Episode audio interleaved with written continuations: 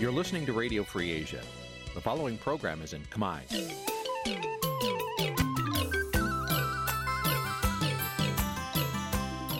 Nǐ chi càm bi tiệp xáy vệt chiu a zì sê ray នេះជាកម្មវិធីផ្សាយរបស់ Vithu Azisari ជាភាសាខ្មែរ វត្តឈូអាស៊ីសេរីសូមស្វាគមន៍លោកអ្នកនាងទាំងអស់ពីរដ្ឋធានី Washington នៃសហរដ្ឋអាមេរិក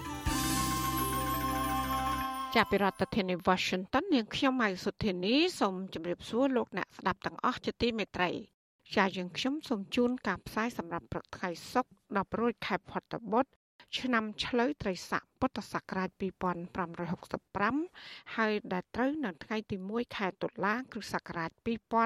2021ជាជាកិច្ចចាប់ដើមនេះនាងខ្ញុំសូមអញ្ជើញលោកអ្នកនាងកញ្ញាស្ដាប់ព័ត៌មានប្រចាំថ្ងៃដែលមានមេត្តាដូចតទៅ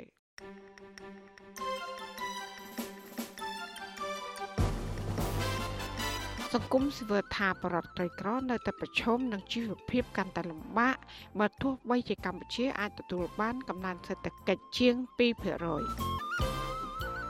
អ្នកជំនាញវិទ្យាសាស្ត្រថាកម្ពុជានឹងកាន់តែគ្រោះថ្នាក់បើសិនជាផ្អាកការធ្វើតេស្តរហ័សរោគជំងឺ Covid-19 អង្គការសិទ្ធិមនុស្សថាការកាត់ទោសអ្នកសារព័ត៌មានឲ្យជាប់ពន្ធនាគារមួយឆ្នាំ គឺជាការគំរាមកំហែងដល់សេរីភាពបញ្ចេញមតិ បរដ្ឋមួយចំនួនគ្រប់គ្រងសភាអាមេរិកធ្វើច្បាប់ដាក់ទណ្ឌកម្មមេដឹកនាំកម្ពុជា ដែលរំលោភសិទ្ធិមនុស្សរួមនឹងព័ត៌មានផ្សេងផ្សេងមួយចំនួនទៀត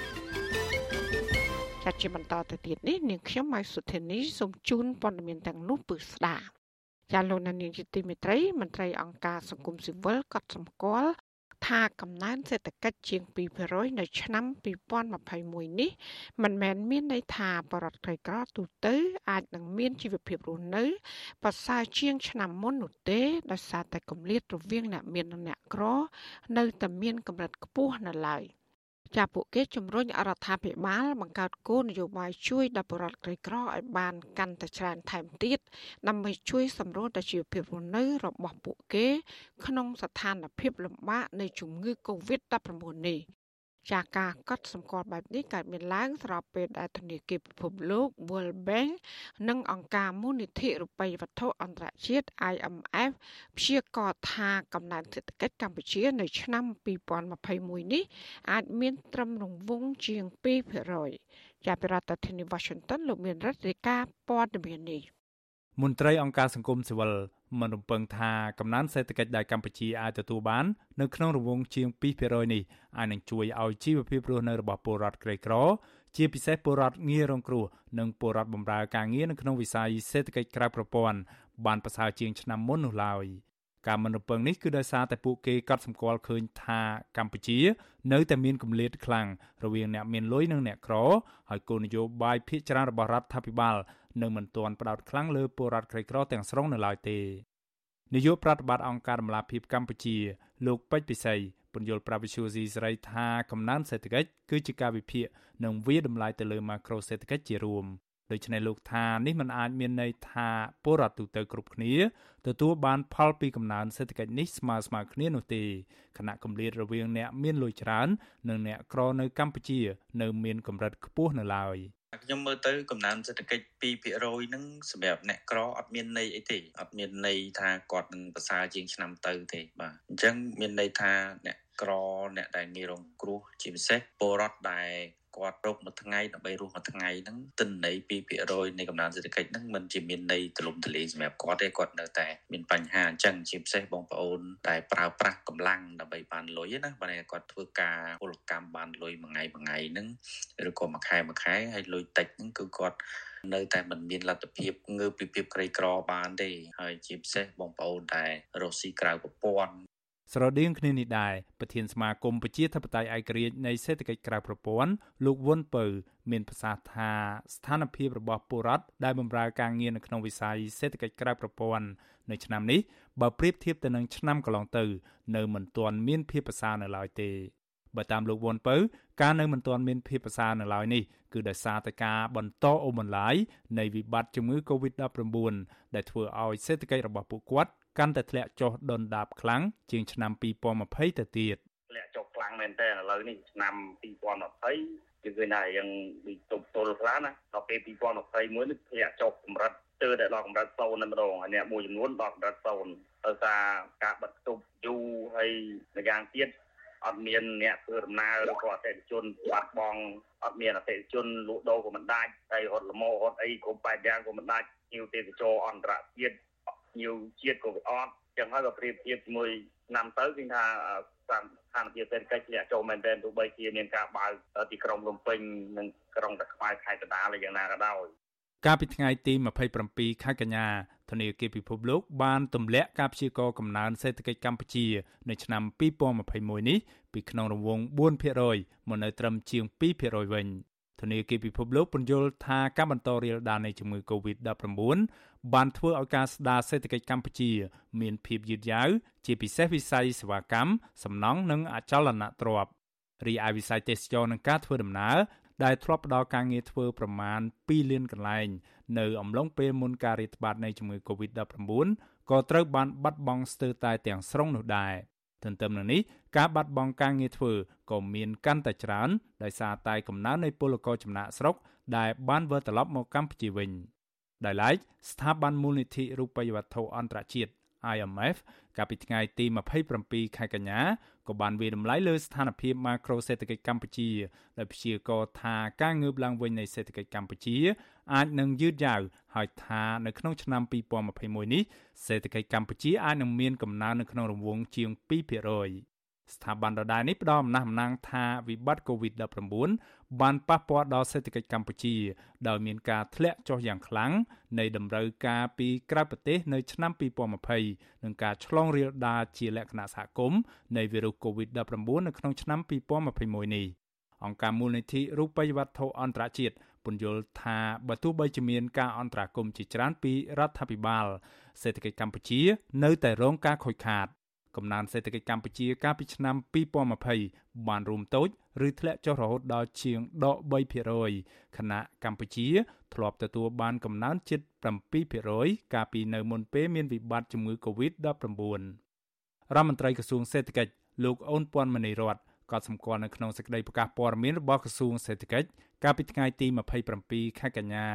ថាការវិយតម្លៃរបស់មូលនិធិរូបិយវត្ថុអន្តរជាតិនេះ គឺប្រហាក់ប្រហែលគ្នាទៅនឹងការវាតម្លៃដោយក្រសួងសេដ្ឋកិច្ចនិងហិរញ្ញវត្ថុដែរ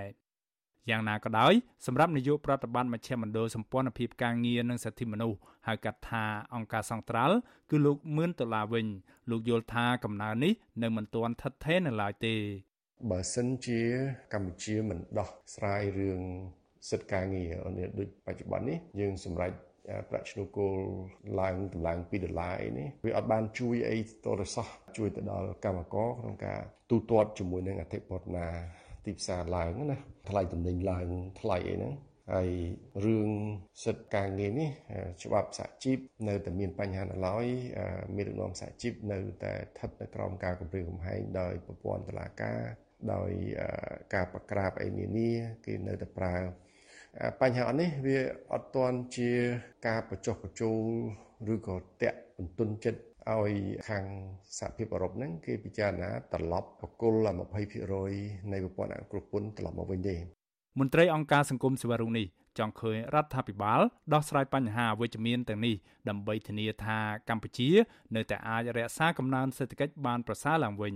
ទន្ទឹមនឹងនេះមន្ត្រីអង្គការសង្គមស៊ីវិលមួយចំនួនទៀត ក៏សំណូមពរឲ្យរដ្ឋាភិបាល បង្កើតគោលនយោបាយដែលផ្ដោតលើពលរដ្ឋក្រីក្រឲ្យបានច្រើនដើម្បីឲ្យពួកគេទទួលបាននូវផលប្រយោជន៍ច្រើន ពីសំណាក់រដ្ឋាភិបាល ដែលអាចជួយឲ្យជីវភាពរស់នៅរបស់ពួកគេបានប្រសើរជាងមុនប្រធានសមាគមប្រជាធិបតេយ្យឯករាជ្យនៃសេដ្ឋកិច្ចក្រៅប្រព័ន្ធលោកវុនពៅសំណូមពរឲ្យរដ្ឋាភិបាលគួរធ្វើយ៉ាងណាផ្ដល់ជំនួយឧបត្ថម្ភដល់អ្នកធ្វើការនៅក្នុងវិស័យសេដ្ឋកិច្ចក្រៅប្រព័ន្ធឲ្យបានទាន់ពេលវេលា ខ្ញុំសំណូមពរទៅមករដ្ឋាភិបាលជួយផ្ដល់ជំនួយឧបត្ថម្ភធនសម្រាប់ស្ដារឡើងវិញនៃការបាត់បង់របរស្ដារឡើងវិញនៃការដួលនៃអាជីពនៃអាជីវកម្មរបស់គាត់ហើយត្រូវផ្ដល់ប្រព័ន្ធជំនួយសង្គមឲ្យបានទាន់ពេលវេលានៅក្នុងស្ថានភាពដែលប្រជាពលរដ្ឋធ្វើការសេដ្ឋកិច្ចក្រៅប្រព័ន្ធ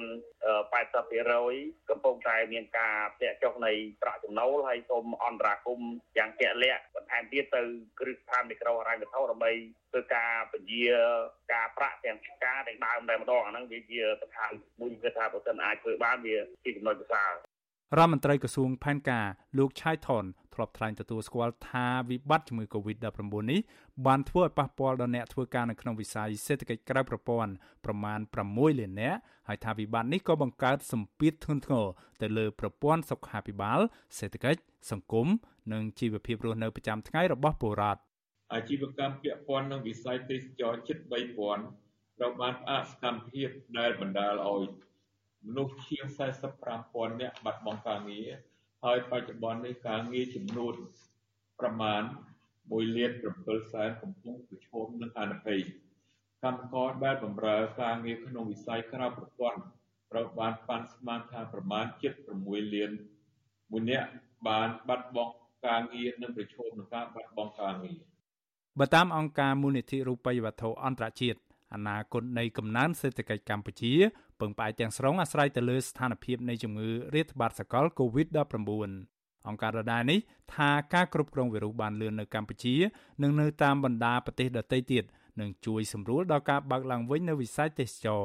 ក៏ប៉ុន្តែអង្គការនេះព្រមានថាបើការគ្រប់គ្រងវីរុសនេះវិវត្តទៅយ៉ាងយឺតយ៉ាវនោះនោះហេតុការណ៍នេះនឹងធ្វើឲ្យខូចខាតដល់កំណើនសេដ្ឋកិច្ចបន្ថែមទៀត ខ្ញុំបាទមេរិត Visual C សេរីរាយការណ៍ពីរដ្ឋធានី Washington ចាលោកនាយកទីមេត្រីក្រសួងសេដ្ឋកិច្ចនិងហិរញ្ញវត្ថុកម្មវិធីអភិវឌ្ឍសហប្រជាជាតិនិងរដ្ឋាភិបាលអូស្ត្រាលីចេញសេចក្តីប្រកាសព័ត៌មានរួមកាលពីថ្ងៃទី30ខែកញ្ញាបញ្ជាក់ថាវិធានការគាំពារសង្គម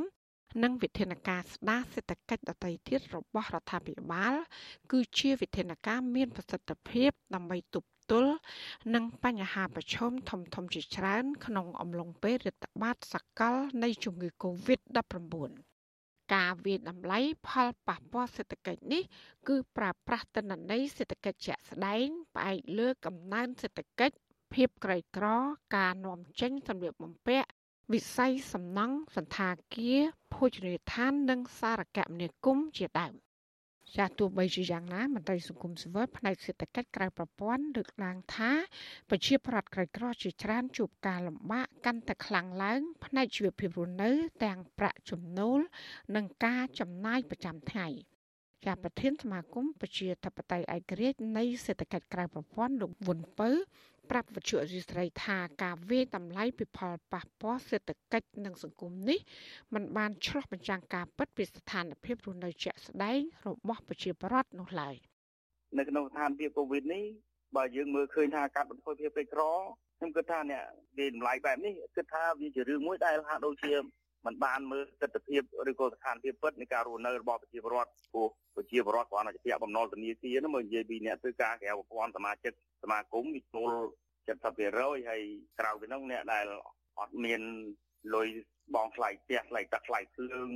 អ្នកជាពាក់បំណុលឯកជនផ្សេងផ្សេងទៀតអ្នកដែលបាត់បង់មុខរបរមកកណៅទៀតអាហ្នឹងខ្ញុំគិតថាវាហាក់ដូចជាអត់បានបង្ហាញពីស្ថានភាពពិតនៃការរស់នៅរបស់ប្រជាពលរដ្ឋក្នុងស្ថានភាពកូវីដណា ហើយតកតងទៅនឹងជំនួយសង្គមនេះអ្នកដែលក្រៅប្រព័ន្ធទទួលបានតិចតួចទេ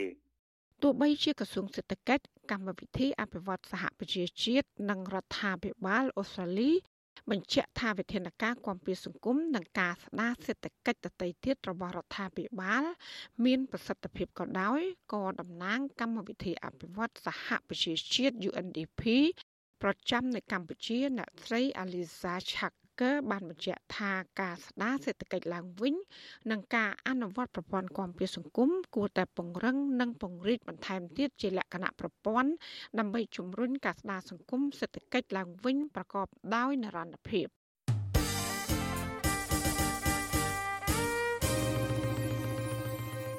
ចាលោកនានីជាទីមេត្រីអ្នកជំនាញវិទ្យាសាស្ត្រថាកម្ពុជានឹងកាន់តែមានគ្រោះថ្នាក់បើសិនជារដ្ឋាភិបាលផ្អាកការធ្វើតេស្តរហ័សរោគជំងឺ Covid-19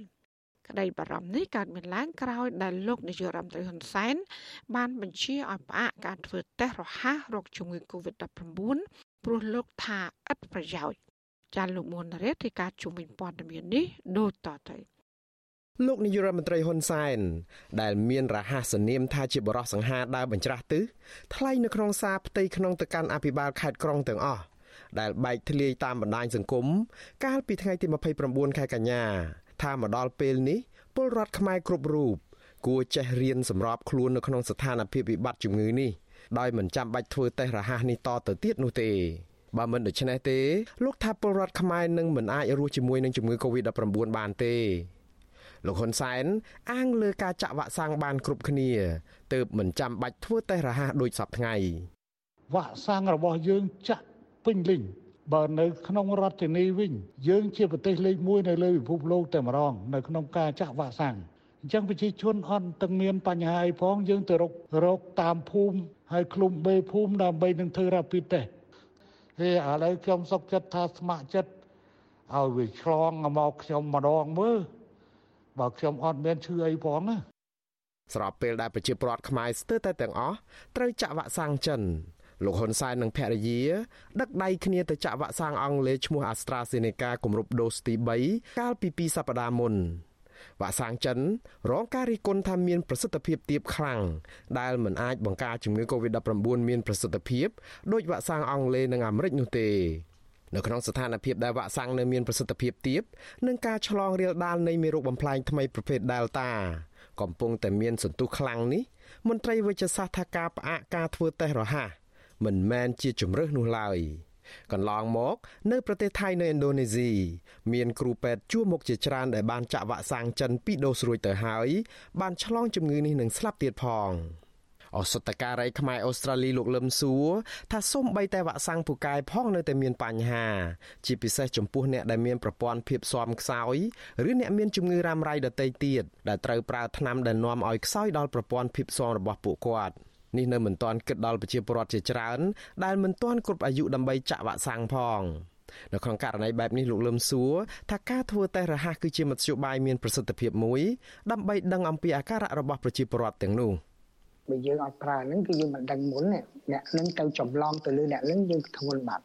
អានឹងជាពលបារម្ភណាម្ល៉េះខ្ញុំនឹកឃើញថា rapid antigen testing ក៏នៅតែសំខាន់ដែរនៅតែប្រើដែរដោយសារអាកាសធាតុវាមិនបានច្រើនហ្នឹងគ្រោះថ្នាក់ទៅវិញពួកយើងអត់ដឹងអ្នកអ្នកមានរោគហើយទៅឆ្លងគេឬទៅចម្លងគេបាទមាន covid ហ្នឹងដល់ដឹងខ្លួនថាមានអាហ្នឹងគេ mystery case ទៅប៉ះទ្វារតគុណទៅកាន់លុយកាន់អីឆ្លងគេឆ្លងឯងហ្នឹងអត់ដឹងទេ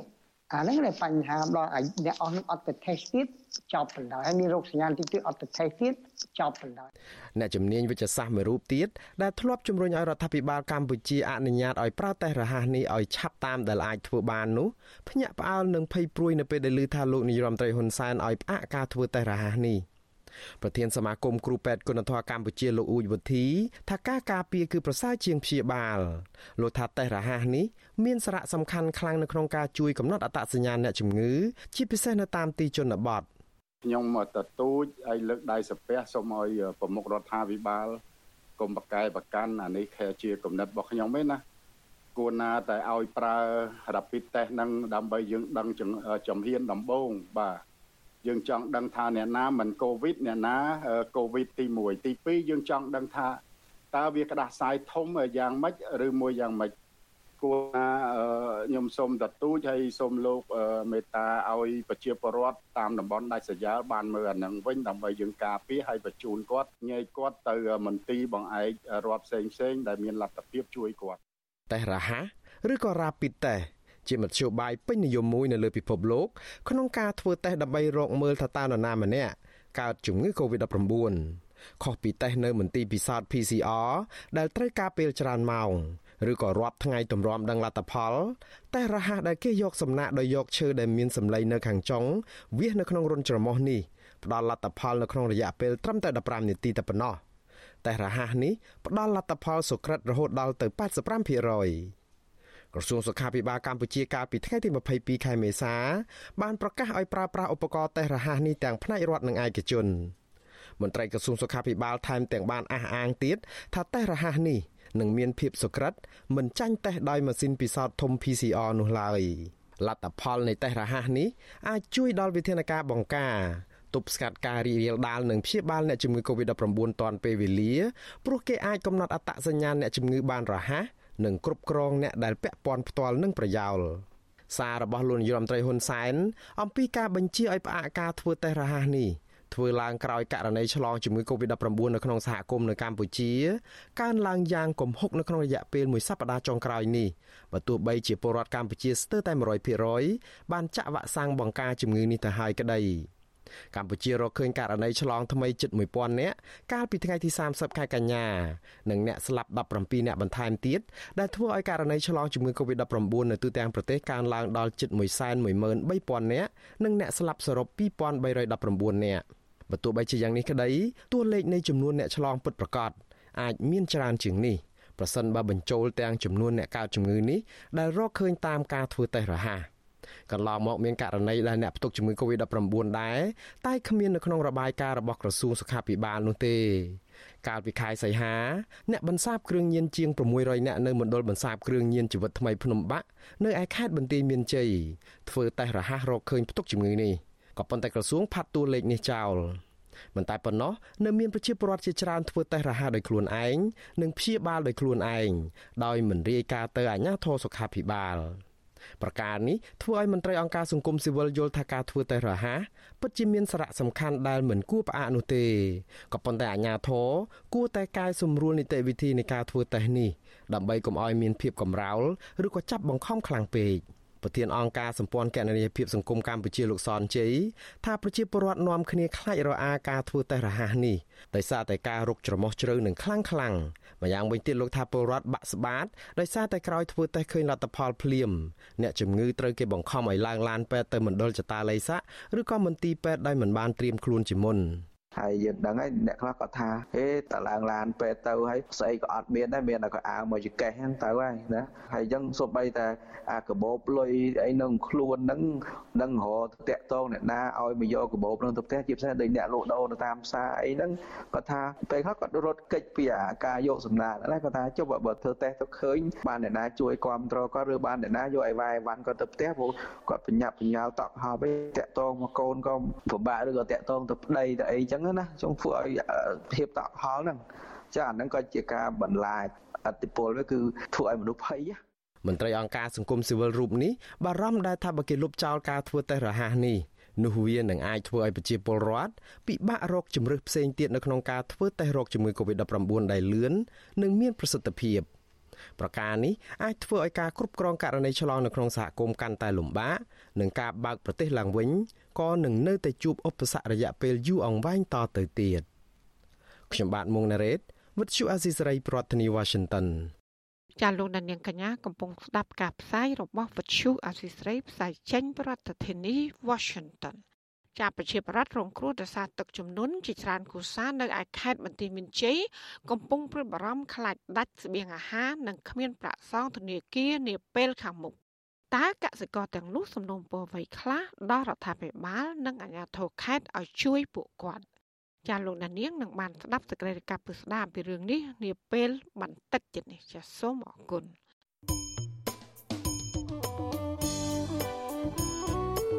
ចាលោកណានៀងជាទីមេត្រីវិទ្យុអសីស្រីផ្សាយតាមរលក ធាតុអាកាសខ្លីឬ short wave តាមកម្រិតនិងកម្ពស់ដូចតទៅចាពេលព្រឹកគឺចាប់ពីម៉ោង5កន្លះដល់ម៉ោង6កន្លះគឺតាមរយៈរលក ធាតុអាកាសខ្លី9940 kHz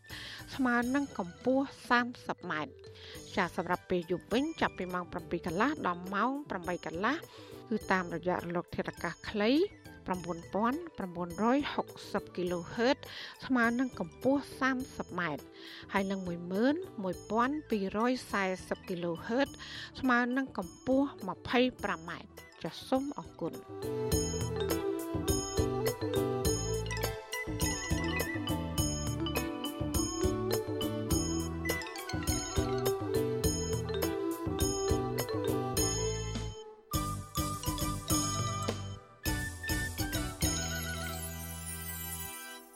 ចាលោកដានីលជាទីមេត្រីប្រជាប្រដ្ឋមួយចំនួនដែលរងការរំលោភបំពានសិទ្ធិសេរីភាព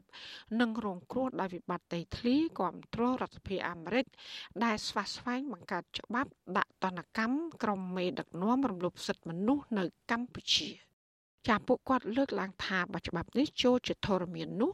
អ្នករំលោភសិទ្ធិមនុស្សជាច្រើនអ្នកនឹងរងទណ្ឌកម្មអាមេរិកជាមិនខាន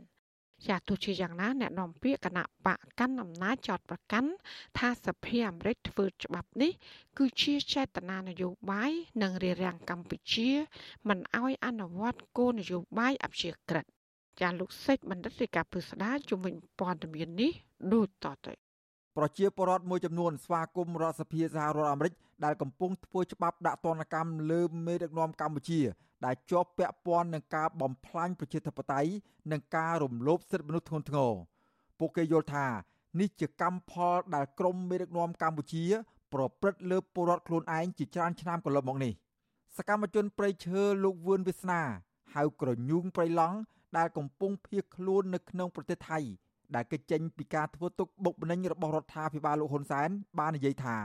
ទោះការដាក់ទណ្ឌកម្មនេះធ្វើឲ្យប៉ះពាល់ដល់ក្រមមេដឹកនាំរបបឯកបកក៏ប៉ុន្តែផ្ដល់ផលល្អដល់ពលរដ្ឋខ្មែរនិងប្រទេសកម្ពុជា លោកមានជំនឿថានៅពេលសេចក្តីស្នើច្បាប់នេះបានคล้ายជាច្បាប់នោះនឹងធ្វើឲ្យក្រមលោកហ៊ុនសែនងាកមកចរចាជាមួយនឹងគណៈបកសង្គ្រោះជាតិដើម្បីកែលម្អការគោរពសិទ្ធិមនុស្ស និងលទ្ធិប្រជាធិបតេយ្យសេរីពហុបកឡើងវិញខ្ញុំក្នុងនាមជាសកម្មជនខ្ញុំសំណូមពរទៅថាលោកហ៊ុនសែនគួរតែដាក់គួរដាក់មេនះដើម្បីមកនិយាយគ្នាចរចាគ្នា ដើម្បីសុខសន្តិភាពជូនប្រជាជាតិទាំងអស់គ្នាបាទរីឯពលរដ្ឋមានបញ្ហាចំនួនដីធ្លីនៅខេត្តកោះកុងលោកស្រីផៅញើងប្រាប់ថា លោកស្រីរងការរំលោភបំពានសិទ្ធិមនុស្សធ្ងន់ធ្ងរព្រោះវិបត្តិដីធ្លី លោកស្រីលើកឡើងទៀតថា ប្រសិនបើសហរដ្ឋអាមេរិកពិតជាដាក់ទណ្ឌកម្មលើមេដឹកនាំកម្ពុជា ដែលរំលោភសិទ្ធិមនុស្សមែននោះពួកគេមានច្រើនណាស់មិនខ្វះមនុស្សឲ្យអាមេរិកដាក់ទណ្ឌកម្មនោះទេ ដាក់ទោសទណ្ឌទៅលើបុគ្គលឬក៏ជនណាមួយដែលជាមន្ត្រីរបស់ប្រទេសកម្ពុជានឹងបើសិនតែរកឃើញថាគាត់មានការរំលោភសិទ្ធិមនុស្សនឹងប៉ុន្តែខ្ញុំឃើញថាខ្លាចតែអត់រយបើរកឃើញឃើញច្រើនព្រោះអីខ្ញុំខ្ញុំផ្ទាល់ខ្ញុំអ្នកដែលទទួលរងគ្រោះដោយសារការរំលោភបំពានលើសិទ្ធិមនុស្សនេះធ្ងន់ធ្ងរតែម្ដងដោយសារអាដេកផ្ទះខ្ញុំគេបានយកហើយគេចោទប្រកាន់ខ្ញុំចាគេចាប់ចងអត់បាយអត់ទឹកហើយពលរដ្ឋដែលតែងតែខ្វល់ខ្វាយរឿងនយោបាយប្រទេសជាតិម្នាក់ទៀតគឺលោកវឿងសំណាងសង្កេតឃើញថា ការធ្លាក់ចុះនៃការគោរពសិទ្ធិមនុស្សនិងប្រជាធិបតេយ្យគឺបង្កឡើងដោយក្រមមេដឹកនាំនៃរបបក្រុងភ្នំពេញដូច្នេះរដ្ឋសភាអាមេរិកធ្វើច្បាប់ដាក់ទណ្ឌកម្មលើបុគ្គលទាំងនោះគឺជារឿងត្រឹមត្រូវលោកយល់ថារបបបច្ចុប្បន្នមិនទាន់ហួសពេលក្នុងការត្រឡប់ថយក្រោយដើរលើផ្លូវគោរពសិទ្ធិមនុស្សនិងប្រជាធិបតេយ្យនៅឡើយទេរួមទាំងបើកលំហនយោបាយសេរីពហុបកឲ្យស្របទៅនឹងរដ្ឋធម្មនុញ្ញនិងកិច្ចព្រមព្រៀងសន្តិភាពទីក្រុងប៉ារីស ចឹងលោកហ៊ុនសែនអត់ទាន់ផុតការចរចានៅឡើយទេអញ្ចឹងបើរបបក្រុងហ៊ុនពេញចង់ឲ្យគណៈបព្វជិជនរស់ក៏ដូចជារបបលោកហ៊ុនសែនរស់បន្តទៀតលោកហ៊ុនសែនគួរតែគិតពិចារណាលទ្ធិប្រជាធិបតេយ្យជាធំនៅក្នុងប្រទេសកម្ពុជាចំណែកសកម្មជនគណៈបកប្រឆាំងលោកស្រីលេងសុធារីយល់ថាវិធានការរបស់រដ្ឋសភាអាមេរិកបែបនេះធ្វើឲ្យក្រមមេដឹកនាំរដ្ឋាភិបាលកាន់តែអាម៉ាស់មុខថែមទៀតលើឆាកអន្តរជាតិ លោកស្រីយល់ថា នៅពេលសហរដ្ឋអាមេរិកចាប់ផ្ដើមដាក់ទណ្ឌកម្មបែបនេះប្រទេសសម្ព័ន្ធមិត្តរបស់ប្រទេសមហាអំណាចមួយចំនួននេះនឹងដាក់ទណ្ឌកម្មលើរដ្ឋាភិបាលលោកហ៊ុនសែនដោយសហរដ្ឋអាមេរិកដែរ។ ខ្ញុំយល់ថាភាពអាម៉ាស់របស់របបក្រុងភ្នំពេញហ្នឹងគឺមានភាពអាម៉ាស់អាម៉ាស់យ៉ាងខ្លាំងដោយសារតែមួយរយៈថ្មីថ្មីហ្នឹងមើលទៅដូចបៃឡបៃឡអញ្ចឹង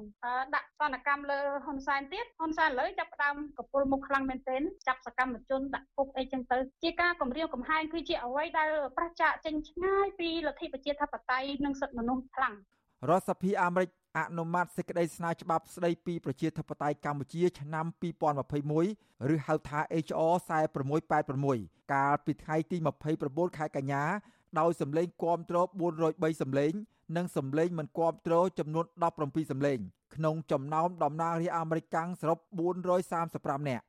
សេចក្តីស្នើច្បាប់នេះនឹងត្រូវបញ្ជូនបន្តទៅឲ្យព្រឹទ្ធសភាអនុម័ត និងចុងក្រោយត្រូវបញ្ជូនទៅប្រធានាធិបតីអាមេរិកចុះហត្ថលេខាដើម្បីក្លាយជាច្បាប់តាក់ទងនឹងការលើកឡើងរបស់ពលរដ្ឋជុំវិញរឿងនេះអ្នកនាំពាក្យគណៈបកប្រជាជនកម្ពុជាលោកឈឹមផលវរុន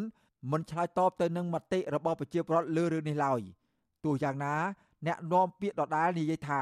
ការធ្វើច្បាប់នេះរបស់រដ្ឋសភាអាមេរិកគឺជាឧបករណ៍មួយដើម្បីរារាំងកម្ពុជា ក្នុងការអនុវត្តគោលនយោបាយអព្យាក្រឹតជាមួយនឹងបណ្ដាប្រទេសនានា ច្បាប់ដែលអាមេរិកធ្វើហើយប្រើពាក្យប្រជាធិបតេយ្យនៅកម្ពុជាគ្រាន់តែជាចំណងជើងនៃបទចម្រៀងទេហើយការពិតគឺជាលិខិតតូបកមួយក្នុងបរិបទភូមិសាស្ត្រនយោបាយរវាងចិននិងអាមេរិកនៅអាស៊ីអាគ្នេយ៍ដែលពាក់ព័ន្ធនឹងកម្ពុជាការលើកឡើងរបស់មន្ត្រីជាន់ខ្ពស់គណៈបកកាត់អំណាចនេះហាក់មិនឆ្លុះបញ្ចាំងពីការពិតនោះទេជារឿយៗ សហរដ្ឋអាមេរិកបានជំរុញថ្នាក់ដឹកនាំកម្ពុជាឲ្យគោរពសិទ្ធិមនុស្សនិងអនុវត្តលទ្ធិប្រជាធិបតេយ្យស្របតាមរដ្ឋធម្មនុញ្ញជាមួយគ្នានេះសហរដ្ឋអាមេរិកក៏តែងតែជំរុញរដ្ឋាភិបាលកម្ពុជាឲ្យរក្សាគោលនយោបាយការបរទេសអព្យាក្រឹតប្រកបដោយតុល្យភាព និងឯករាជ្យដោយតម្កល់ផលប្រយោជន៍ប្រជាពលរដ្ឋខ្មែរជាធំក៏ប៉ុន្តែរបបលោកហ៊ុនសែនខ្លួនឯងទេ ដែលកំពុងលំអៀងខ្លាំងទៅរកប្រទេសចិនកុម្មុយនីសដែលធ្វើឲ្យកម្ពុជាដើរហួសពីគោលនយោបាយអព្យាក្រឹតរបស់ខ្លួនអ្នកវិភាគនយោបាយលោកបណ្ឌិតសេងសេរីយល់ថាការលើកឡើងរបស់ពលរដ្ឋពេលនេះជាសម្លេងមួយដែលរដ្ឋាភិបាលលោកហ៊ុនសែនគួរពិចារណាលោកបន្តថាទោះបីជាអាមេរិកកំពុងធ្វើច្បាប់នេះប៉ុន្តែកូនសោសំខាន់នៅក្នុងរឿងនេះគឺស្ថិតនៅក្នុងដៃរបស់រដ្ឋាភិបាលដដែលទេក្នុងការកែលម្អសិទ្ធិមនុស្សប្រជាធិបតេយ្យនិងបញ្ហានយោបាយ។ រដ្ឋាភិបាលអាចប្រើកូនអុកនឹងដើម្បីឲ្យច្បាប់នឹងមិនចេញបានហើយកូនអុកដែលអាចធ្វើឲ្យច្បាប់នឹងមិនចេញបាននោះគឺការបទូបថយបរិយាកាសនយោបាយការធ្វើឲ្យមានទំនាក់ទំនងប្រសើរឡើងវិញជាទ្វេភាគីរវាងសហរដ្ឋអាមេរិកជាមួយនឹងកម្ពុជានឹងប្រសិនបើសេចក្តីស្នើច្បាប់ស្តីពីប្រជាធិបតេយ្យកម្ពុជាឆ្នាំ2021คล้ายទៅជាច្បាប់ពេញលេញមែននោះវានឹងបើកផ្លូវឲ្យសហរដ្ឋអាមេរិកដាក់ទណ្ឌកម្មលើមន្ត្រីជាន់ខ្ពស់ក្នុងជួររដ្ឋាភិបាលយោធា និងកងកម្លាំងប្រដាប់អាវុធកម្ពុជា ដែលជាប់ពាក់ព័ន្ធនឹងការបំផ្លាញប្រជាធិបតេយ្យការរំលោភសិទ្ធិមនុស្សធ្ងន់ធ្ងរតនកម្មទាំងនោះ មានដូចជា ការបង្កកទ្រព្យសម្បត្តិលើជនរំលោភសិទ្ធិមនុស្សទាំងនោះដែលមាននៅក្នុងសហរដ្ឋអាមេរិកនិងការរឹតបន្តឹងទិដ្ឋាការមិនឲ្យពួកគេជន់ទឹកដីអាមេរិកជាដើមប៉ុន្តែទោះជាមិនទាន់មានច្បាប់នេះក៏ដោយក៏សហរដ្ឋអាមេរិកបានប្រើច្បាប់ដាក់ទណ្ឌកម្មជាសកល Global Magnitsky Act ដើម្បីដាក់ទណ្ឌកម្មមន្ត្រីជាន់ខ្ពស់និងមនុស្សចំណិតរបស់លោកហ៊ុនសែនរួមទាំងក្រុមហ៊ុនចិនមួយចំនួនរួចទៅហើយបន្ទាប់ពីរកឃើញថាពួកគេបានជាប់ពាក់ព័ន្ធដោយផ្ទាល់ក្នុងអំពើរំលោភសិទ្ធិមនុស្សធ្ងន់ធ្ងរអំពើពុករលួយទ្រង់ទ្រាយធំនិងការច្បាមយកធនធានធម្មជាតិរបស់កម្ពុជាដោយខុសច្បាប់ខ្ញុំបាទសេកបណ្ឌិតវិទ្យុអាស៊ីសេរីពីរដ្ឋធានីវ៉ាស៊ីនតោន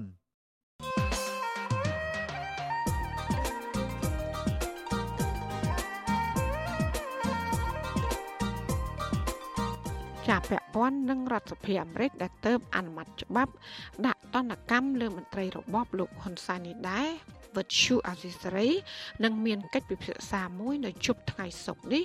ជុំវិញប្រធានបទថាតើច្បាប់នេះ មានសារៈប្រយោជន៍យ៉ាងណាខ្លះសម្រាប់ប្រទេសកម្ពុជា ហើយថាមានឥទ្ធិពលលើរបបឯកបករបស់លោកហ៊ុនសែនដែរឬទេ ចាននេតិវេទកាអ្នកស្ដាប់វិទ្យុអសីស្រីនឹងអញ្ជើញតំណាងគណៈបកនយោបាយហើយនិងមន្ត្រីសង្គមស៊ីវិលមួយចំនួន ដែលតែងតែជួយជ្រោមជ្រែងជំរុញឲ្យច្បាប់នេះចេញជារូបរាងឡើងចាលោកណានៀងក៏អាចបញ្ចេញមតិយោបល់ឬក៏ដាក់សំណួរមកកាន់វាគ្មិនរបស់យើងដោយគ្រាន់តែដាក់លេខទូរស័ព្ទនៅក្នុងខ្ទង់ comment Facebook ហើយនិង YouTube យើងខ្ញុំនឹងតាក់ទងទៅលោកណានៀងវិញចាសសូមអរគុណ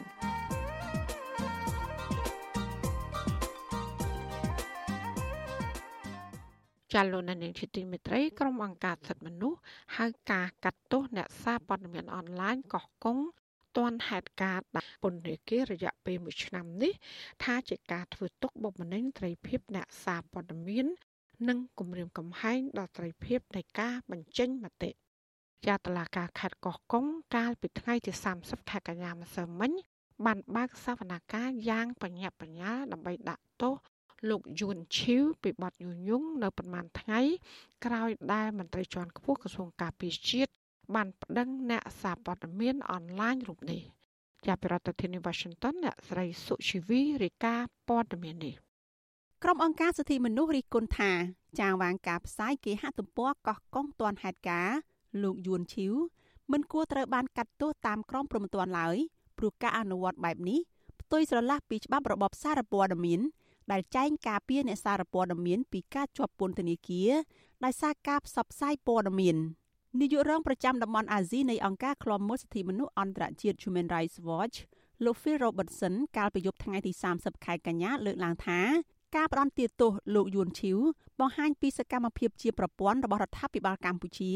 ដើម្បីបំបិតសម្លេងអ្នកសារព័ត៌មាននិងប្រព័ន្ធផ្សព្វផ្សាយឯករាជ្យដែលមានចំនួនកាន់តែតិចតួចរួចទៅហើយនោះ លោក Phil Robertson បន្តថាក្រោមស្លាកប្រយុទ្ធប្រឆាំងនឹងព័ត៌មានคล้ายៗនិងការផ្សព្វផ្សាយព័ត៌មានមិនពិតរដ្ឋាភិបាលរបបក្រុងភ្នំពេញកំពុងប្រើប្រាស់បទចោទប្រមទ័នតាមផ្លូវតុលាការដែលស្ថិតក្រោមឥទ្ធិពលនយោបាយនោះជាមធ្យោបាយធ្វើទុកបុកម្នេញអ្នកសារព័ត៌មានឯករាជ្យដែលជាការចោទប្រកាន់ពុំមានហេតុផលត្រឹមត្រូវ ជាមួយគ្នានេះដែរនាយករងទទួលបន្ទុកផ្នែកសិទ្ធិមនុស្សនៃអង្គការលីកាដូលោកអំសំអាត ប្រាប់វិទ្យុអាស៊ីសេរីថាលោកយួនឈីវគួរតែមានឱកាសបានកែតម្រូវការផ្សាយរបស់លោកទៅតាមអ្វីដែលមានចែងនៅក្នុងច្បាប់ស្តីពីរបបសារព័ត៌មានវាគួរណាស់តែប្រើប្រាស់នៅច្បាប់ស្តីពីរបបសារព័ត៌មានចំពោះអ្នកសារព័ត៌មានណាវាមិនគួរណាស់ប្រើប្រាស់ក្រមព្រមតនដើម្បីដាក់ទោសទណ្ឌទៅលើគាត់តែម្ដងហ្នឹង វាហាក់ដូចជាការមួយដែលធ្វើឲ្យអ្នកសារព័ត៌មានហ្នឹងគាត់មានការបារម្ភមានការភ័យដោយសារតែការអនុវត្តគឺយកក្រមមិនទាន់មកអនុវត្តតែម្ដងណាសាលាដំបងខេត្តកោះកុងកាលពីថ្ងៃទី30ខែកញ្ញាបានកាត់ទោសលោកយួនឈីវដាក់ពន្ធនាគាររយៈពេល1ឆ្នាំពីបទញុះញង់ទៅតាមមាត្រា494និងមាត្រា495នៃក្រមព្រហ្មទណ្ឌ តុលាការបានបើកជំនុំជម្រះបន្ទាន់ភ្លាមភ្លាមក្នុងរយៈពេលមិនដល់72ម៉ោង បន្ទាប់ពីឃាត់ខ្លួនលោកយួនឈីវដោយពុំបង្ហាញឲ្យឃើញការស៊ើបអង្កេតតាមផ្លូវច្បាប់ដោយគ្រាន់តែបញ្ជាក់ថាលោកត្រូវបានចាប់ខ្លួននៅក្នុងពេលប្រព្រឹត្តបទល្មើសជាក់ស្ដែងការផ្ដន់ទោសនេះទៀតសោតធ្វើឡើងបន្ទាប់ពីរដ្ឋមន្ត្រីការពារជាតិលោកទាបាញ់កាលពីថ្ងៃទី26ខែកញ្ញាបានបញ្ជាឲ្យមន្ត្រីក្រមបង្គាប់ប្តឹងលោកយួនឈីវ ពាក់ព័ន្ធនឹងការចោទប្រកាន់ថាបានបង្ហោះព័ត៌មានខុសពីការពិត បង្ខូចកេរ្តិ៍ឈ្មោះអភិបាលរងខេត្តកោះកុងលោកសុកសុធី នៅក្នុងវិវាទដីធ្លីនៅស្រុកបទុមសាគរកាលពីថ្ងៃទី19ខែកញ្ញាបើទោះជាយ៉ាងណាលោកយួនឈីវធ្លាប់ប្រាប់វិទ្យុអាស៊ីសេរីនៅមុនពេលអាញាធរឃាត់ខ្លួនលោកថាលោកផ្សាយព័ត៌មានតែតាមការពិតយ៉ាងនេះក្តីលោកបានធ្វើលិខិតសុំអភ័យទោសពីលោកអភិបាលរងខេត្ត និងបានយល់ព្រមលុបចោលអត្ថបទនិងវីដេអូដែលលោកបានបង្ហោះនៅលើទំព័រ Facebook នោះថែមទៀតនាយកប្រតិបត្តិអង្គការសម្ព័ន្ធអ្នកសារព័ត៌មានកម្ពុជាលោកណុបវីមានប្រសាសន៍ថាអ្នកសារព័ត៌មានគួរតែជៀសផុតពីការជាប់ពន្ធនាគារដោយសារតែកំហុសឆ្គងនៅក្នុងការផ្សព្វផ្សាយព័ត៌មានរបស់ខ្លួន លោកស្នើឲ្យអាជ្ញាធរពិចារណាដោះលែងលោកយួនឈីវឲ្យមានសេរីភាពវិញការកាត់ទោសដល់អ្នកសារព័ត៌មាននៅក្នុងខេត្តកោះកុងនេះគឺជាការផ្ញើសារមួយនៃការធ្វើឲ្យមានការភ័យខ្លាចសម្រាប់អ្នកសារព័ត៌មានផ្សេងៗទៀតដោយសារយើងដឹងហើយថាគាត់បានសុំទោសហើយគាត់បាន ដកអត្ថបទចេញហើយចំណាត់ការភ្លាមភ្លាមចំណាត់ការបន្ទាន់របស់តុលាការនេះហាក់ដូចជាធ្វើឲ្យទិលហាក់ធ្វើឲ្យដែលមានការពិនិត្យមើលរឿងហ្នឹងថាតើហេតុអីបានជាតុលាការលោកចាត់វិធានការលឿនអញ្ចឹងដោយសារតែអ្នកដែលប្តឹងផ្ដាល់ឬក៏អ្នកដែលស្នើហ្នឹងគាត់មានអធិបុល នៅក្នុងជួររដ្ឋាភិបាលឬក៏យ៉ាងដូចម្ដេចចឹងអានេះគឺជាចំណុចមួយដែលយើងស្នើសុំឲ្យមានការពិនិត្យឲ្យមានការពិចារណានៅត្រង់ចំណុចទាំងអស់នេះឡើងវិញបាទវិទ្យុអាស៊ីសេរីមិនទាន់អាចតាក់ទងណែនាំពាក្យក្រសួងព័ត៌មានលោកមាសសុភ័ណ្ឌដើម្បីសាកសួរពីការផ្ដន់ទាទោសអ្នកសារព័ត៌មាននៅខេត្តកោះកុងនេះបានទេដោយទូរស័ព្ទចូលពុំមានអ្នកទទួលច្បាប់ស្ដីពីរបបសារព័ត៌មានផ្ដល់ឱកាសឲ្យអ្នកសារព័ត៌មានបានកែតម្រូវការផ្សាយរបស់ខ្លួនសុំទោស និងបង់ប្រាក់ផាកពិន័យប្រសិនបើការផ្សាយនោះមានផលប៉ះពាល់ណាមួយលើសពីនេះអ្នកសារព័ត៌មានមានសិទ្ធិទទួលបានការស៊ើបអង្កេតពេញលេញករណីចោទថាខ្លួនមានកំហុសអង្គការឃ្លាំមើលសិទ្ធិមនុស្សអន្តរជាតិអំពាវនាវដល់សហគមន៍អន្តរជាតិឲ្យចេញមុខទាមទារជាសាធារណៈឲ្យបញ្ឈប់រាល់ការរំលោភបំពានសិទ្ធិសេរីភាពអ្នកសារព័ត៌មាន ដោយចាប់ផ្ដើមពីការបញ្ឈប់ការដាក់ទោសទណ្ឌលើលោកយួនឈីវដើម្បីការពារអ្នកសារព័ត៌មាននិងប្រព័ន្ធផ្សព្វផ្សាយឯករាជ្យពីការធ្វើទុកបុកម្នេញពីរដ្ឋាភិបាល ការពារសេរីភាពអ្នកសារព័ត៌មាន និងសិទ្ធិសេរីភាពបញ្ចេញមតិនេះខ្ញុំសុជីវីវិទ្យុអាស៊ីសេរីពីរដ្ឋធានី Washington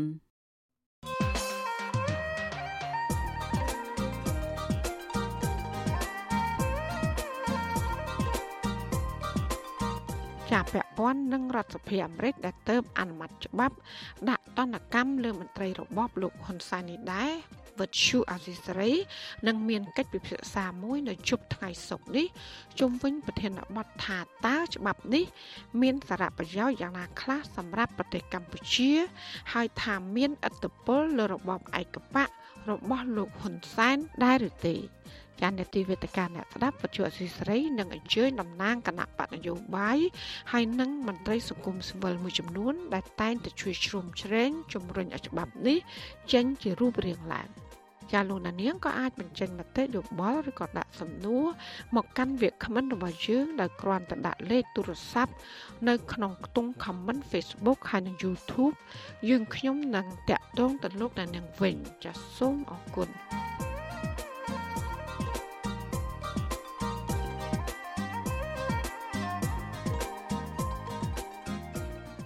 ចាលោកដានីងជាទីមេត្រីចំណែកឯតឡាការក្រុងភ្នំពេញអានេះវិញក៏បានសម្រេចឃុំខ្លួនសកម្មជនគណៈបកសង្គ្រោះជាតិម្នាក់គឺលោកទុំបន្ថននៅក្នុងពន្ធនាគារប្រៃសណខណៈដែលសកម្មជនម្នាក់ទៀតគឺលោកលាក់គៀនត្រូវបានសមត្ថកិច្ចបន្តឃុំខ្លួនដើម្បីសួរចម្លើយនៅអគ្គស្នងការនគរបាលជាតិជាក្រុមកុសារបស់សកម្មជននយោបាយទាំងពីរនាក់នេះរិះគន់ថាចំណាត់ការរបស់តុលាការនិងសមត្ថកិច្ច គឺធ្វើឡើងដោយគ្មានមូលដ្ឋានច្បាប់ហើយថានេះគឺជារឿងអយុត្តិធម៌ចាសសូមស្ដាប់សេចក្តីរាយការណ៍មួយទៀតរបស់លោកមានរិទ្ធជុំវិញរឿងនេះដូចតទៅសាលាដំបូងរាជធានីភ្នំពេញសម្រាប់ឃុំខ្លួនសកម្មជនគណៈបកសង្គ្រោះជាតិលោកទុំប៊ុនថននៅពន្ធនាគារព្រៃសរនៅព្រឹកថ្ងៃទី30ខែកញ្ញាទាំងដែលលោកមិនបានជួបក្រុមគ្រួសារនិងមានមេធាវីការពារក្តីនៅឡើយទេរីឯសកម្មជនមួយរូបទៀតគឺលោកលាក់គៀង កំពុងស្ថិតនៅក្រោមការឃុំខ្លួននិងការសួរចម្លើយនៅឯអគ្គស្នងការដ្ឋាននគរបាលជាតិសកម្មជនទាំងពីររូបត្រូវបានអាជ្ញាធររបបក្រុងភ្នំពេញចាប់ខ្លួននៅផ្ទះរបស់អ្នកទាំងពីរកាលពីល្ងាចថ្ងៃទី29ខែកញ្ញាប្រពន្ធរបស់លោកទុំបន្ថនគឺលោកស្រីសៀងលេងឲ្យដឹងថាតាមដំណឹងក្រៅផ្លូវការសមាជិកបានបញ្ជូនប្តីលោកស្រីទៅឃុំខ្លួននៅពន្ធនាគារព្រៃសរនៅព្រឹកថ្ងៃទី30ខែកញ្ញា ដែលមិនទាន់បានដឹងអំពីបទចោទប្រកាន់អ្វីឲ្យពិតប្រាកដនៅឡើយទេក៏ប៉ុន្តែលោកស្រីជឿជាក់ថាការឃុំខ្លួនប្តីរបស់លោកស្រីនេះគឺពាក់ព័ន្ធនឹងមូលហេតុនយោបាយដែលលោកស្រីចាត់ទុកថាគឺជារឿងអយុត្តិធម៌បំផុត ខ្ញុំគ្រាន់តែចង់ស្នើសុំឲ្យរដ្ឋាភិបាលហ្នឹងសូមជួយដល់លេគាត់ហ្នឹងឲ្យមានសេរីភាពផងព្រោះអីត្រូវការចិញ្ចឹមកូនចិញ្ចឹមអីចឹងណាបងចាដើម្បីគ្រួសាររកស៊ីមុខរបរទៅមុខទៀតលោកទុំបន្ថនគឺជាសមាជិកក្រុមប្រឹក្សាគណៈបកសង្គ្រោះជាតិនៅសង្កាត់ផ្សារដីពោ2រាជធានីភ្នំពេញលោកទៅតែវិលត្រឡប់ទៅរស់នៅជួបជុំគ្រួសារវិញបានមួយខែបន្ទាប់ពីរស់នៅភៀសខ្លួននៅក្នុងប្រទេសថៃអស់មួយរយៈ សកម្មជនបពប្រឆាំងរូបនេះក៏ធ្លាប់ជាប់ពន្ធនាគារជាង2ខែម្ដងរួចមកហើយកាលពីខែកញ្ញាឆ្នាំ2019ក្រោមបទចោទរួមគំនិតក្បត់និងបទញុះញង់បង្កឲ្យមានភាពវឹកវរធ្ងន់ធ្ងរដល់សន្តិសុខសង្គមតាក់ទងទៅនឹងការចូលរួមប្រជុំជាមួយលោកសំរាស៊ីនៅឯប្រទេសម៉ាឡេស៊ីកាលពីខែសីហានៅឆ្នាំដដែលនោះចំណែកលោកឡាក់ខៀងវិញលោកគឺជាមេឃុំជាប់ឆ្នោតរបស់គណៈបកសង្គ្រោះជាតិនៅឃុំបិទត្រាំងស្រុកព្រៃនប់ខេត្តប្រស័យអនុ ប្រពន្ធរបស់លោកលាក់គៀងគឺលោកស្រីអនចន្ទធូថ្លែងថាប្តីលោកស្រី បានទូរស័ព្ទប្រាប់លោកស្រីយ៉ាងខ្លីនៅរសៀលថ្ងៃទី30ខែកញ្ញាថាគាត់កំពុងស្ថិតនៅក្រោមការឃុំខ្លួននិងការសាកសួរនៅឯអគ្គស្នងការដ្ឋាននគរបាលជាតិលោកស្រីរិះគន់ថាការដែលសមត្ថកិច្ចប្រដាប់ដោយកំភ្លើងនិងមានឡានជាច្រើនគ្រឿងឡោមព័ទ្ធផ្ទះនិងសម្រុកចូលចាប់ខ្លួនប្តីលោកស្រីនេះគឺជាការអនុវត្តផ្ទុយពីដីការបស់តុលាការព្រោះនៅក្នុងដីកានោះ មិនបានបង្គាប់ឲ្យសមត្ថកិច្ចចាប់ខ្លួនគាត់នោះទេ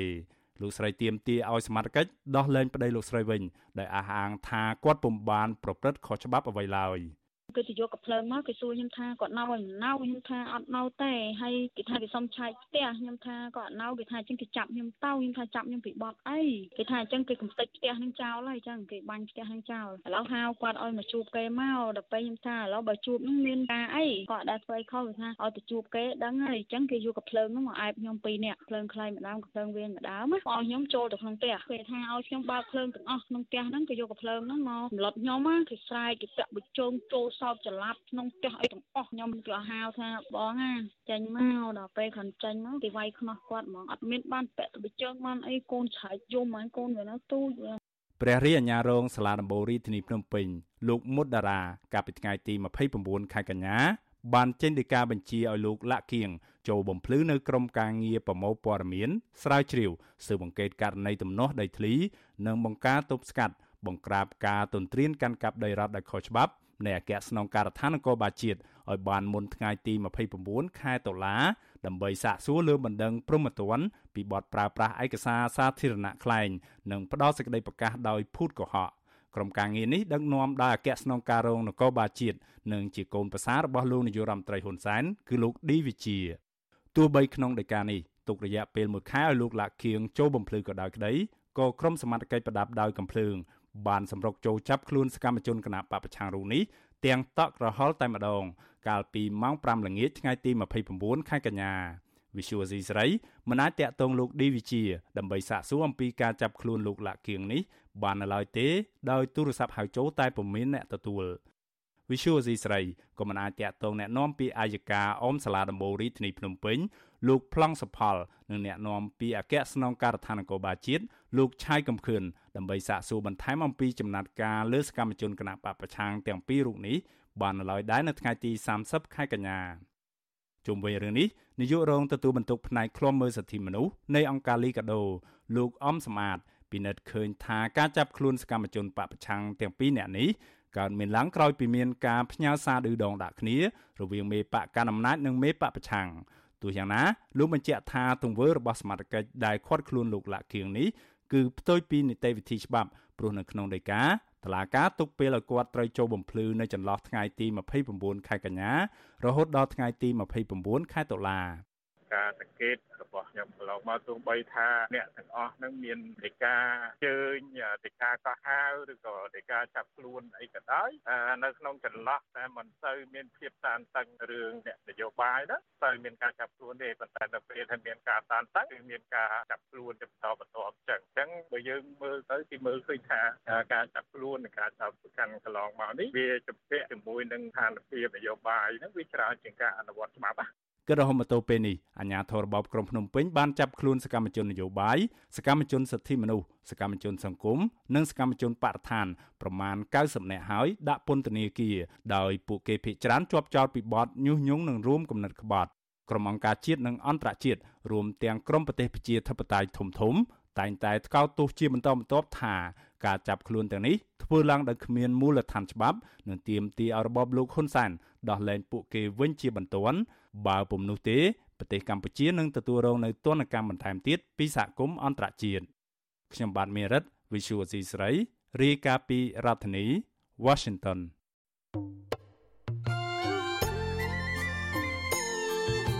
ចាលោកនាងកញ្ញាជាទីមេត្រីក្រៅតែពីការតាមដានកម្មវិធីផ្សាយរបស់វិទ្យុអាស៊ីសេរីតាមបណ្ដាញសង្គម Facebook YouTube Telegram លោកអ្នកក៏អាចតាមដានកម្មវិធីផ្សាយរបស់យើង តាមរយៈបណ្ដាញសង្គម Instagram របស់អាស៊ីសេរីបាន តាមរយៈតំណ link www.instagram.com/rfa ខ្មែរចាអាស៊ីសេរីនឹងបន្តខិតខំផ្សព្វផ្សាយព័ត៌មានពិត ទៅកាន់បងប្អូនតាមរយៈបណ្ដាញសង្គមផ្សេងផ្សេងនិងសម្បូរបែប ដើម្បីឲ្យលោកអ្នកនាងងាយស្រួលតាមដានការផ្សាយរបស់អសីស្រីគ្រប់ពេលវេលា ហើយគ្រប់ទីកន្លែងតាមរយៈទូរស័ព្ទដៃរបស់លោកអ្នកចាសសូមអរគុណ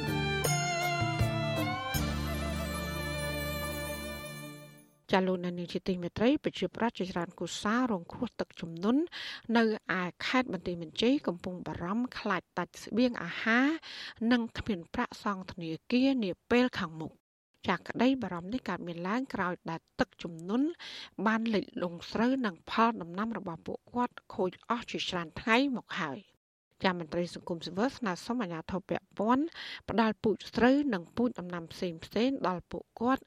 ដើម្បីអាចដាំដុះឡើងវិញក្រោយទឹកស្រកចាអ្នកស្រីសុជីវីមានសេចក្តីរាយការណ៍ដាច់ដライមួយទៀតអំពីរឿងនេះដូចតទៅកសិករមួយចំនួននៅខេត្តបន្ទាយមានជ័យថ្លែងថា ចាប់តាំងពីទឹកលិចផ្ទះនិងផលដំណាំរបស់ពួកគាត់មកពុំទាន់មានអាជ្ញាធរណាចុះសួរសុខទុក្ខនិងផ្ដល់ស្បៀងអាហារជូនពួកគាត់នៅឡើយទេពលរដ្ឋទាំងនេះអះអាងថាទឹកបានលិចស្រូវនឹងផ្ទះអស់រយៈពេលជាច្រើនថ្ងៃមកហើយរហូតដល់ថ្ងៃទី30ខែកញ្ញាក៏ទឹកមិនទាន់ស្រកទៅវិញឡើយកសិកររស់នៅឃុំកយម៉ែងស្រុកមង្គលបុរីលោកវ៉ាន់ស៊ុយអ៊ីវរៀបរាប់ប្រាប់វិទ្យុអាស៊ីសេរីថាដំណាំស្រូវរបស់លោកចំនួន10ហិកតា អាចនឹងខូចទាំងអស់ព្រោះទឹកលិចស្រូវរយៈពេលមួយសប្តាហ៍ហើយនៅមិនទាន់ស្រកទៅវិញកសិកររូបនេះព្រួយបារម្ភខ្លាចដាច់ស្បៀងនៅពេលដ៏ខ្លីខាងមុខពីព្រោះដំណាំស្រូវទាំង10ហិកតានេះលោកបានខ្ចីប្រាក់ពីធនាគារជាង2000ដុល្លារអាមេរិកមកធ្វើដើមទុនដាំដុះដោយរំពឹងថានឹងសងគេវិញនៅពេលដែលប្រមូលផលក៏ប៉ុន្តែពេលនេះអ្វីអ្វីមិនបានដូចក្តីស្រមៃឡើយ វាប៉ះពាល់ហើយបើប៉ះពាល់អរិញស្រូវស្រែយើងអស់លិចអាទាំងអស់ហ្នឹងហើយស្រូវផ្សារលិចអាស្រូវប្រាំងលិចអស់ស្រូវប្រាំងធ្វើថ្មីលិចអស់លីងគ្នាសំខាន់អាហ្នឹងឯងដល់ពេលលិចអញ្ចឹងគេនឹងយកអីទុកអីទេបាយជីអស់អីអស់ហើយទៅស្រាប់តែទឹកមកដល់ឈប់ព្រាមលិចអស់លីងអញ្ចឹងនឹងជាអីពឹងអីទៅតាមដំណើរនឹងប្រស្រែកទូអ្នកណាជួយបានអញ្ចឹងឃើញមានខាងណាចុះមកសួរសុខទុក្ខអីផងកសិករវ័យ60ឆ្នាំរូបនេះបន្តថា បច្ចុប្បន្នផ្ទះរបស់ពលរដ្ឋរាប់រយគ្រួសារ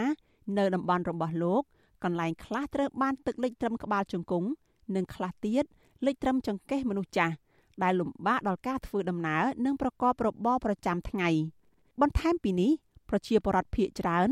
នាំគ្នានៅក្នុងផ្ទះមិនបានចេញទៅធ្វើការងាររកប្រាក់ចំណូលអ្វីឡើយ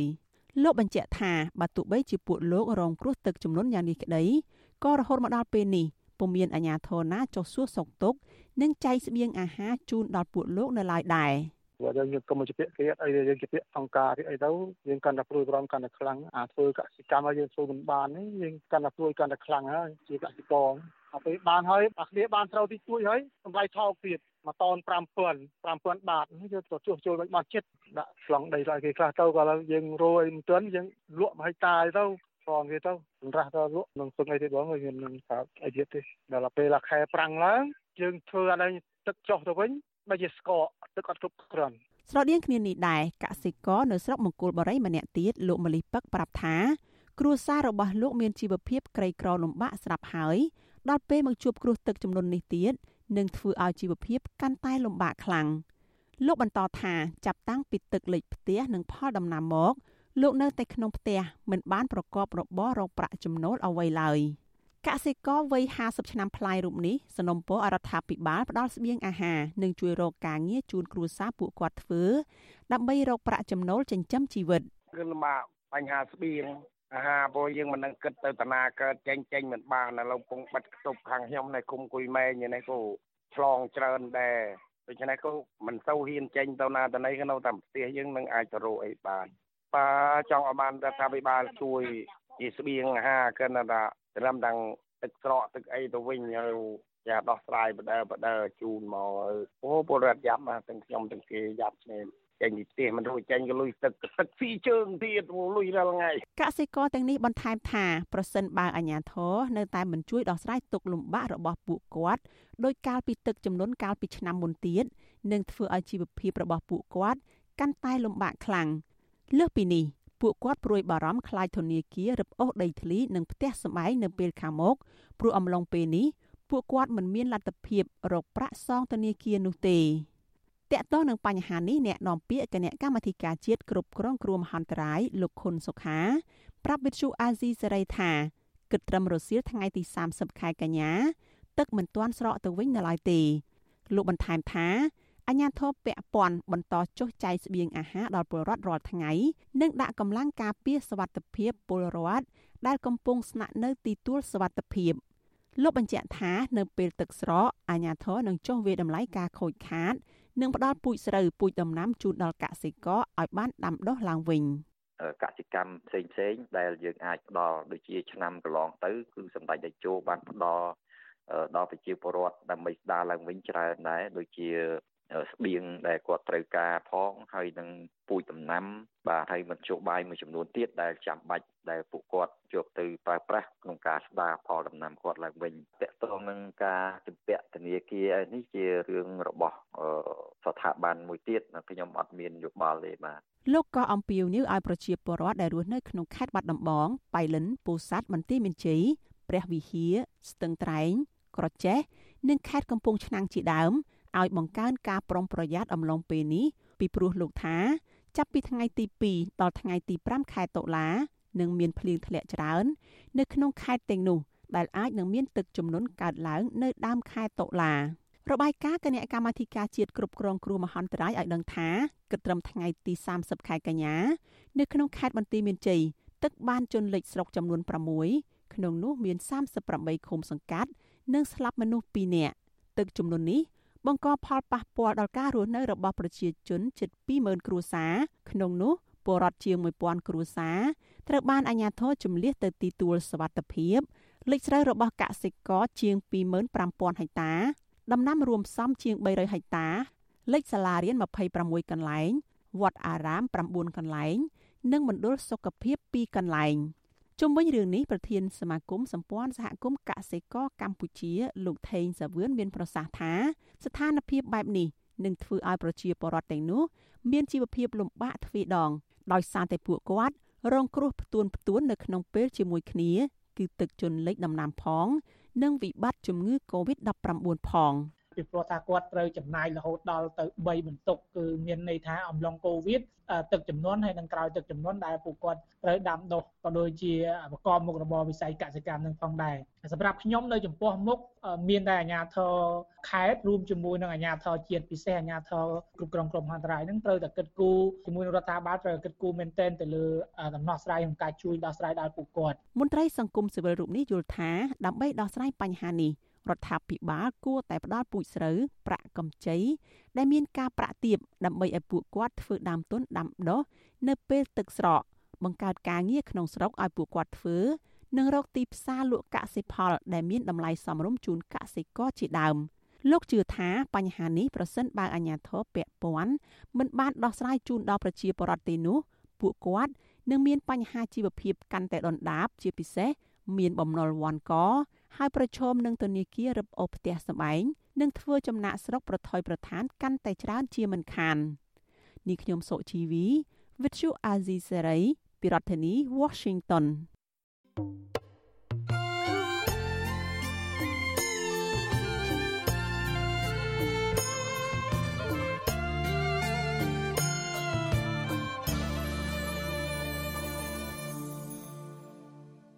ចាលោកលានកញ្ញាអ្នកស្ដាប់ជាទីមេត្រីការផ្សាយរយៈពេល1ម៉ោងរបស់វិទ្យុអាស៊ីស្រីជាភាសាខ្មែរនៅពេលនេះចាប់តែប៉ុណ្ណេះ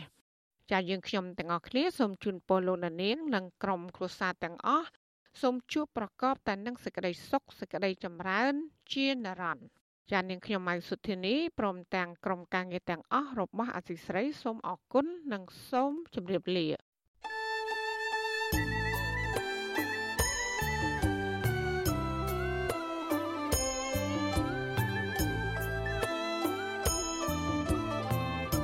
វិទ្យុអាស៊ីសេរីផ្សាយតាមរលក ធាតុអាកាសខ្លីឬ short wave តាមកម្រិតនិងកម្ពស់ដូចតទៅនេះពេលព្រឹកចាប់ពីម៉ោង5កន្លះដល់ម៉ោង6កន្លះតាមរយៈរលកធាតុអាកាសខ្លី13715 kHz ស្មើនឹងកម្ពស់ 22m ពេលយប់ចាប់ពីម៉ោង7កន្លះដល់ម៉ោង8កន្លះតាមរយៈរលកធាតុអាកាសខ្លី9960 kHz ស្មើនឹងកម្ពស់ 30m និង11240 kHz ស្មើនឹងកម្ពស់ 25m លោកអ្នកនាងក៏អាចស្ដាប់ការផ្សាយផ្ទាល់តាមប្រព័ន្ធអ៊ីនធឺណិតដោយចូលទៅកាន់គេហទំព័រ www.rfa.org/ ខ្មែរក្រៅពីនេះលោកអ្នកនាងក៏អាចអាននិងទស្សនាព័ត៌មានវិទ្យុអាស៊ីសេរីលើទូរស័ព្ទដៃរបស់លោកអ្នកផ្ទាល់ សូមលោកអ្នកនាងចូលទៅកាន់បណ្ដាញសង្គម Facebook ដែលមានអាសយដ្ឋាន www.facebook.com/rfa cambodia និង YouTube www.youtube.com/rfa khmer video សូមលោកអ្នកនាងចុច like និងចុច Subscribe ដើម្បីទទួលបានព័ត៌មានថ្មីៗទាន់ហេតុការណ៍និងទស្សនាវីដេអូផ្សេងៗទៀតបានគ្រប់ពេលវេលា។